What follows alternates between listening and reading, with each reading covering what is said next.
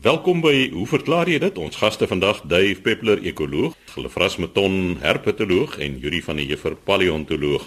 Dave, ons begin by jou en jy gesels oor voëls wat saam slaap. Chris, ek het 'n brief van Burger en Lisa ontvang wat sê hy en sy vrou sit en drink 'n drankie by die Westcliff Hotel in Johannesburg toe ons ons oë opslaan en honderde voëls sien verby swerm in 'n standaard V-formasie. Waarna die formasie skielik uitmekaar val en die voëls in 'n dwarrel neerdal op die bome onder hulle om en by die dieretuin. Hier is die ding. Ons het die gebeurtenis al hier gewaar in Mei maand en nou in Oktober ook. Die voëls vlieg altyd in 'n noordelike rigting en dit vind om en by skemer plaas.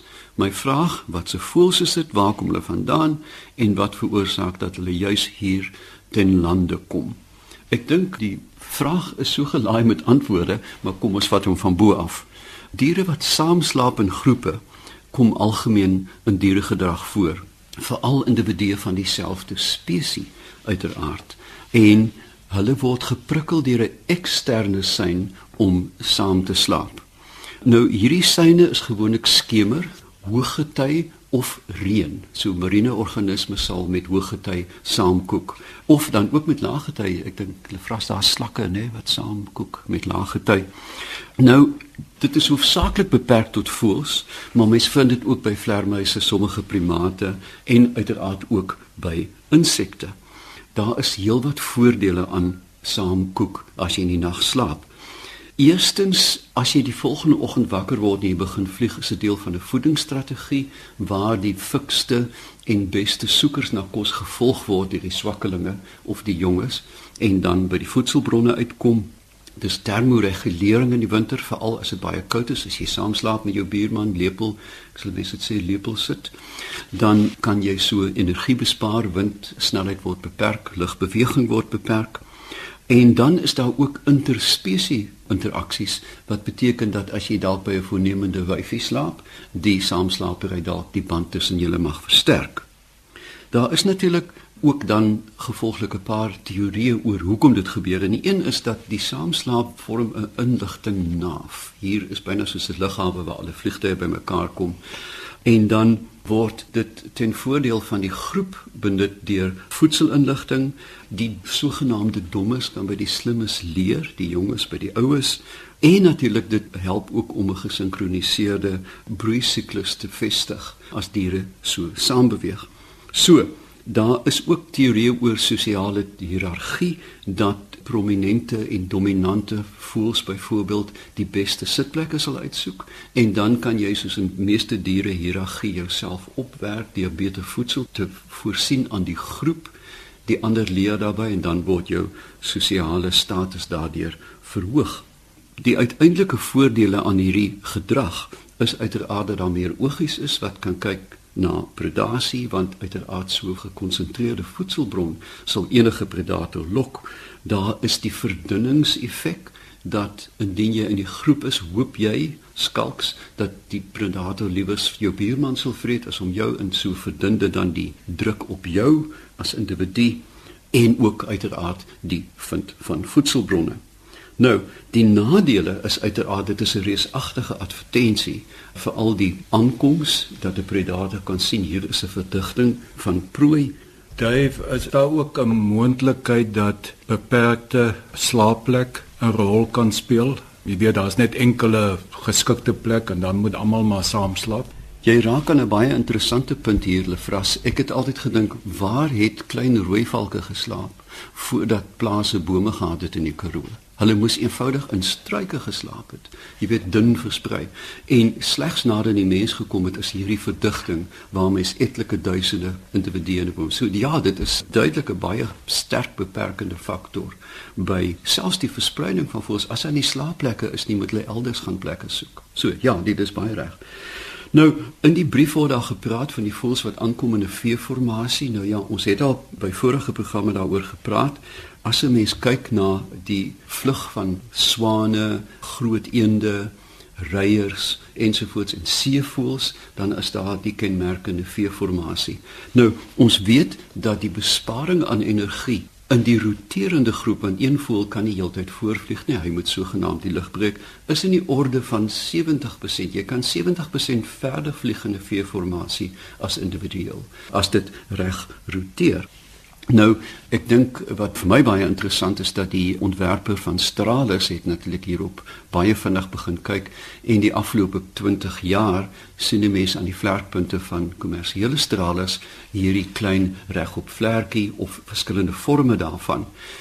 Dit is afgelei van die geïmagineerde punte van voëls wat sweef.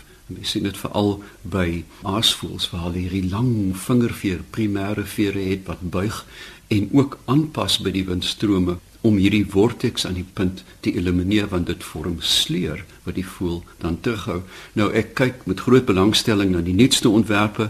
Ek was onlangs op 'n groot internasionale lughawe. Boeing het nou die sogenaamde X-wing, uh, 'n X-vormige vlerkpunt waar die Airbus 350 byvoorbeeld 'n absoluut organiese punt het wat lyk na 'n lang veer wat se punt regop staan. So daar is verskeie maniere om dit te kan doen.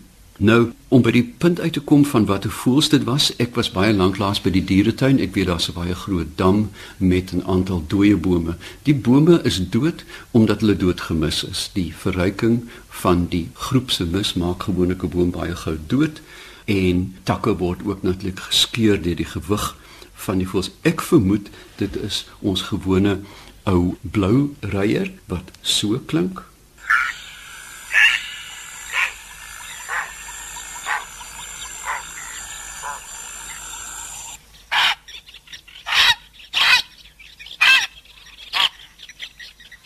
aardige geluid Nou hierdie rye kom werklik van Engeland, Arabië, uit 'n reusagtige verspreiding, maar Suid-Afrika is een van die plekke waar hulle standvoels is, waar hulle konstant voorkom. Hulle word geassosieer uiteraard met grasveld, maar veral met vlei lande. Dit is 'n redelike groot ryer, nou nie so groot soos die reuse ryer nie, weeg so 1 tot 2 kg, lê 3 tot 5 eiers met 'n inkubasie van 25 dae om en by, maar hulle het 'n baie lang jeug. Die kleintjies bly vir 7 tot 8 weke word hulle deur die ouers gevoed. Nou, hulle vreet vis, amfibieërs, klein soogdiere soos muise, insekte, kuikens van ander watervoëls. Hulle sal byvoorbeeld 'n koolganse kuiken baie maklik pak maar veral die visse mens sien hoe hulle absoluut bewegingloos in die water staan met die nek in 'n S-vorm om hom te kompakteer en dan as 'n vis die oppervlak breek skiet die nek reguit en dan sluk hulle hom uit 'n agt kop eerste om die weerhaak effek van die vinne te elimineer. Nou, ek het reeds gesê dat die bome vreeslik verniel word, maar mens vind dit gewoonlik naby plaasdamme waar daar 'n dooie boom in die dam staan waar die voëls bymekaar kom. Dave, daar waar ek in Somerset Wes bly, is dit vir my altyd opvallend in die oggend dan vlieg seevoëls, bosduwe, vlieg hulle in 'n noordwestelike rigting oor my huis en dan laatmiddag is dit weer in die teenoorgestelde rigting. Dit is dan waarskynlik voëls wat so 'n gesamentlike slaapplek het. Jy's doodreg, Lefras. Die probleem uiteraard van hierdie strategie is dat jy plaaslike bronne baie gou oorbenut. Met ander woorde, hoe meer jy saamslaap, hoe verder moet jy na die bron toe vlieg, maar dan gebruik jy netlik weer die V-formasie om energie te bespaar. 'n Ander interessante aspek van die brief is die tuimeling van die voël voor hulle kom sit het. Nou jy sal weet met sommige duwe, mens het tuimelaars, tumblers, maar baie duwe wat inkom, die laaste entjie na die nes tuimel hulle na die nes toe en dit is natuurlik om predasie te vermy want dit is juis waar die predator wag en dan as die snelheid afleem, raak hulle kwesbaar en dan tuimel hulle in 'n byna chaotiese toestand wat 'n predator nie kan voorspel nie. So, Ek hoop ek het in 'n mate die vraag mooi beantwoord met wie dit is, hoekom hulle dit doen en um, ek kan werklik net afsluit dat as 'n mens baie akkuraat en sekuur na die natuur kyk, is die gedrag van baie diere chaoties, maar onderliggend is daar altyd 'n baie goeie rede hoekom daar chaos in diere gedrag is. So sê Dave Peppler, ons ekoloog. Ons gesels verder in hoe verklaar jy dit? Lefras Meton, herpetoloog. Lefras, Hoe werk 'n verkleermannetjie se tong? Chris, luisteraars, ja, dit is presies wat Don van Wyk van Graaf Renet wil weet. Hoe werk 'n verkleermannetjie se tong? Hoe kry jy dit reg om dit so vinnig en so akkuraat oor 'n relatief lang afstand uit te skiet om die prooi te vang. Mense eerste gedagte as jy 'n verkleemannetjie tong dink, kyk 'n verkleemannetjie kan sy tong tot maklik 2 en 'n half mal sy liggaamslengte, dit is nou sonder die stert uitskiet. Nou mes sal dink o, dit is so uh by kinderpartytjies, wat is daai wat jy so blaas en dan rol die ding so uit ja, en as jy Ja, en dan rol hy weer op. Nou dit is natuurlik glad nie so nie. 'n Verkleemmannetjie se tong word nie opgerol nie. Dit is iets wat op 'n baie baie interessante manier werk en ek het toe ek dit nou oplees want ek het ook altyd net so vaag weg gedink oor hy skiet sy tong uit maar nooit werklik hoe dit presies gebeur nie. Die verkleemmannetjie se tong in die ruste nou as hy nou teruggetrek is is eintlik relatief kort. Sê maar 'n sentimeter lank. Daar is 'n beentjie Yuri dit sal deel wees van die Euhit apparaat, die endoglossale proses. In elk geval is waarskynlik ja. Ja, is 'n beentjie waarom die tong sit. En hierdie tong bestaan uit 'n uh, versnellerspier redelik aan die voorkant van daardie tongbundel net agter die kop van die tong. Ons weet mos aan die voorkant van die verkleemmannetjie tong het hy amper so 'n suig koppie ding wat die prooi gaan tref en wat hy dan nou vasheg aan die prooi. Net agter dit sit hierdie versnelle spier en tussen hierdie spier en die beentjie wat nou in die middel loop in die lengte van die tong is daar 'n klomp konsentriese skedes wat oor mekaar kan gly. Is amper as mens nou dink aan 'n teleskoop wat jy uittrek, nou daardie skedes lê so op mekaar, hulle sê nou maar 'n sentimeter die lengte maar hulle is nou op mekaar. En hulle bestaan uit kollageenvesels. Nou kollageenvesels is baie elasties. En dan aan die agterkant van hierdie storie is daar nou nog 'n spier, die retractorspier. Dit is wat die tong uiteindelik gaan terugtrek, maar ons vergeet nou maar eers van hom. Ek dink die mansmense sal weet, die kinders het sulke geweertjies gehad wat jy 'n pyl voor indruk en dan is daar nou 'n veer en dan laai die veer Hierdie wat die suig kopie aan het en as jy sneller trek kan skiet die pyl nou uit. 'n Verkleemmannetjie se tong werk basies presies op dieselfde manier. So, hoe dit nou gebeur is, die verkleemmannetjie laai sy tong. Daardie spier trek saam, die versneller spier, dan druk hy hierdie konsentriese skedes wat onder hom lê effe na vorentoe en dit forceer daardie vesels nou na mekaar toe Nee, en dit kan nog nie van die beentjie afglip nie. Dit is net soos 'n veer wat ingedruk word. Lefras, wie nou dat jy daarvan praat, ek het nou mak vir kleermanie, wel, mak vir kleermannetjies. En voor die tong uitskiet, maak hy byna 'n koubeweging in hierdie sak onder die keel, kan jy sien daar is 'n wroging van spiere. Is dit die sneller apparaat? Hy is besig om die storie te lei. Hy's besig om daai kollageen skedes na vore te druk na die punt dis nou mos nou langs die beentjie langs. Hulle kan nie voor afglip nog nie. Is net hulle raak nou korter. So daardie krag wat daai spier nou uitoefen word nou omgesit in elastiese energie. Daai skeerdes is nou vol energie. Hulle wil nou soos 'n veer nê wil nou van die energie ontslaa raak. En nou as hy die tong wil vier dan gaan daardie spier nog 'n bietjie krag uitoefen op daardie skedes en nou skielik glip die skedes aan die voorpunt van daai beentjie af van die beentjie. En blits, dit is soos 'n veer wat afgaan. Word die spier plus die tong se punt uitgeskiet teen verstommende versnelling. Daardie tong kan 100 km/h in 'n honderdste van 'n sekonde bereik.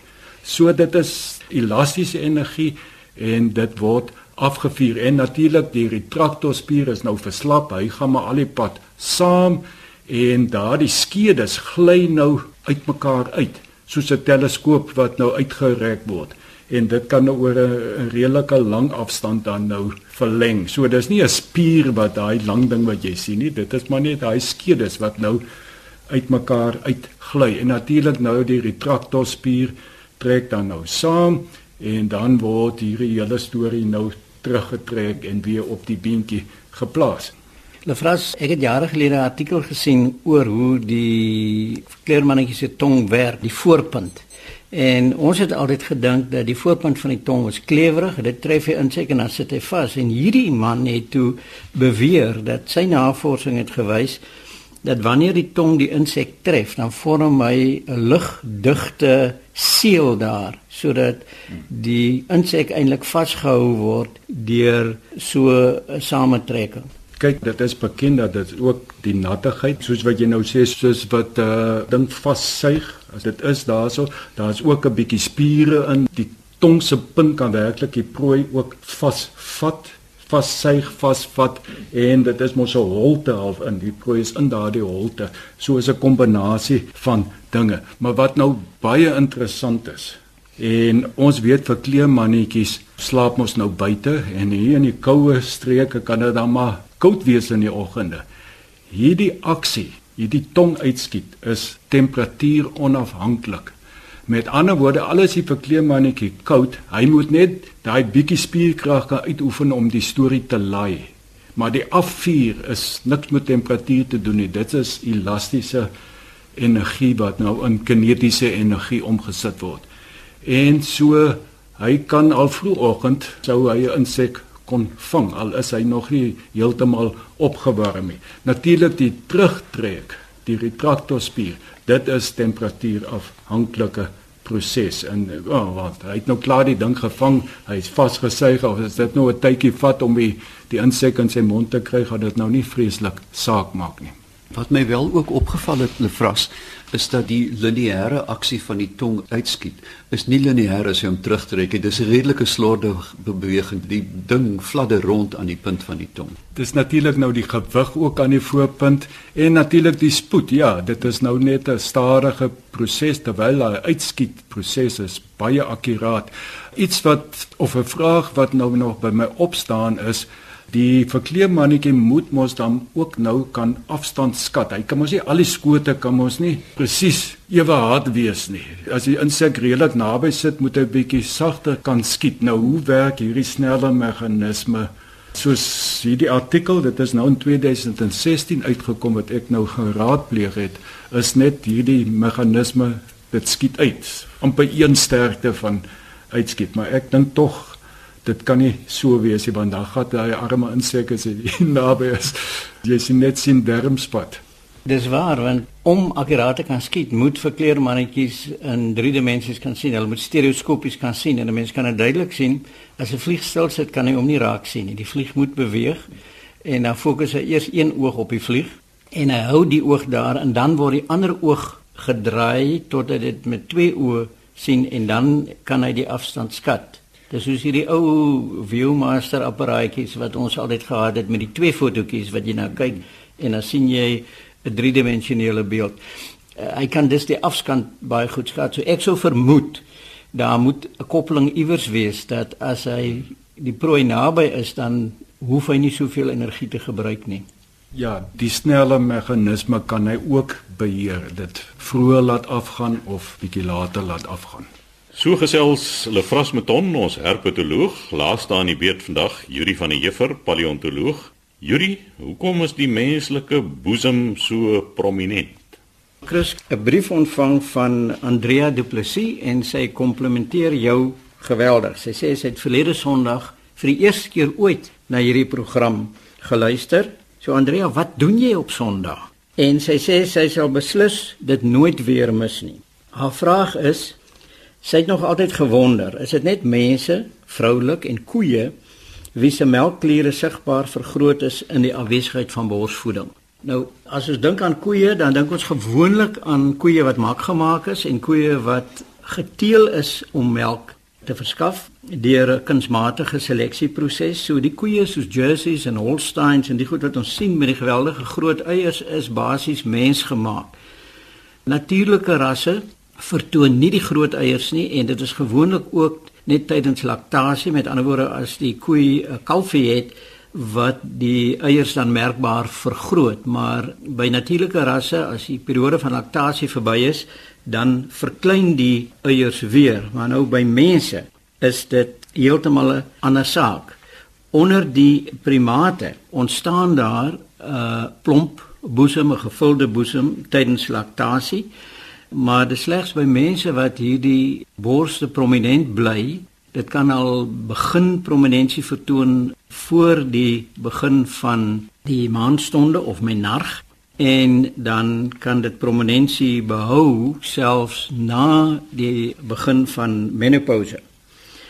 Nou, dit laat mense dadelik dink dat daar een of ander seksuele konnotasie moet wees. En dink jy dikwels aan man se beheptheid met die grootte van borste. Die grootte van die vroulike boesem is nie direk vergelykbaar met melkproduksie nie. Die eintlike ding wat beteken dat 'n vrou fiks is in 'n evolusionêre sin of kinders sal makliker baar hang saam met die simmetrie van die borse, nie die grootte van die borse nie. En ons as mense is geweldig ingestel op simmetrie. Mevrou, jy sal onthou dat 'n artikel in die departement gesirkuleer 'n klompe jare gelede oor die simmetrie van die menslike liggaam en veral die simmetrie van die gesig. En dit het verklaar hoekom sekere van hierdie baie aantreklike Hollywood filmsterre so aanvaarbaar vir ons is want die gesigstruktuur is gebou op 'n sekere simmetriese patroon sodat ons natuurlikerwys geneig is om asimetrie nou nie te veroordeel nie maar dis 'n teken van iemand wat miskien geslagtelik 'n bietjie onfiks kan wees. Nou die ronde boude en die plomp boesem wat ons sien is uniek by mense. Dit word universeel aanvaar as 'n manier of voorbeeld van seksuele aantrekking. En boonop is daar by vrugbare vroue is daar dikwels 'n uh, dun middellyf, om my waarheid sê, ten minste 'n middellyf wat nouer is as die heupe. Dit word aanvaar dat die ronding van die heupe te doen het met die posisie van die geboortekanaal wat 'n aanleiding is dat geboorte waarskynlik maklik kan plaasvind. En ons sien dit nie by die ander primate nie, want by primate het die wyfigorilla's byvoorbeeld en Dave jy sal weet, jy sal genader deur 'n wyfigorilla dat die vet eintlik op die maag voorkom terwyl wyfigorilla's maar eenere geboude het wat nie baie groot is nie. So hulle stoor hulle vet om die middel soos mans te doen. Nou die uurglasfiguur is dus iets wat ons as mans herken en wat stimulerend is en die argument is dat in die tyd toe ons voorsate op die savanna rondgehardloop het, is 'n uurglasfiguur maklik om te herken op 'n afstand en dan ook die meegaande belofte van 'n moontlike paarmaat.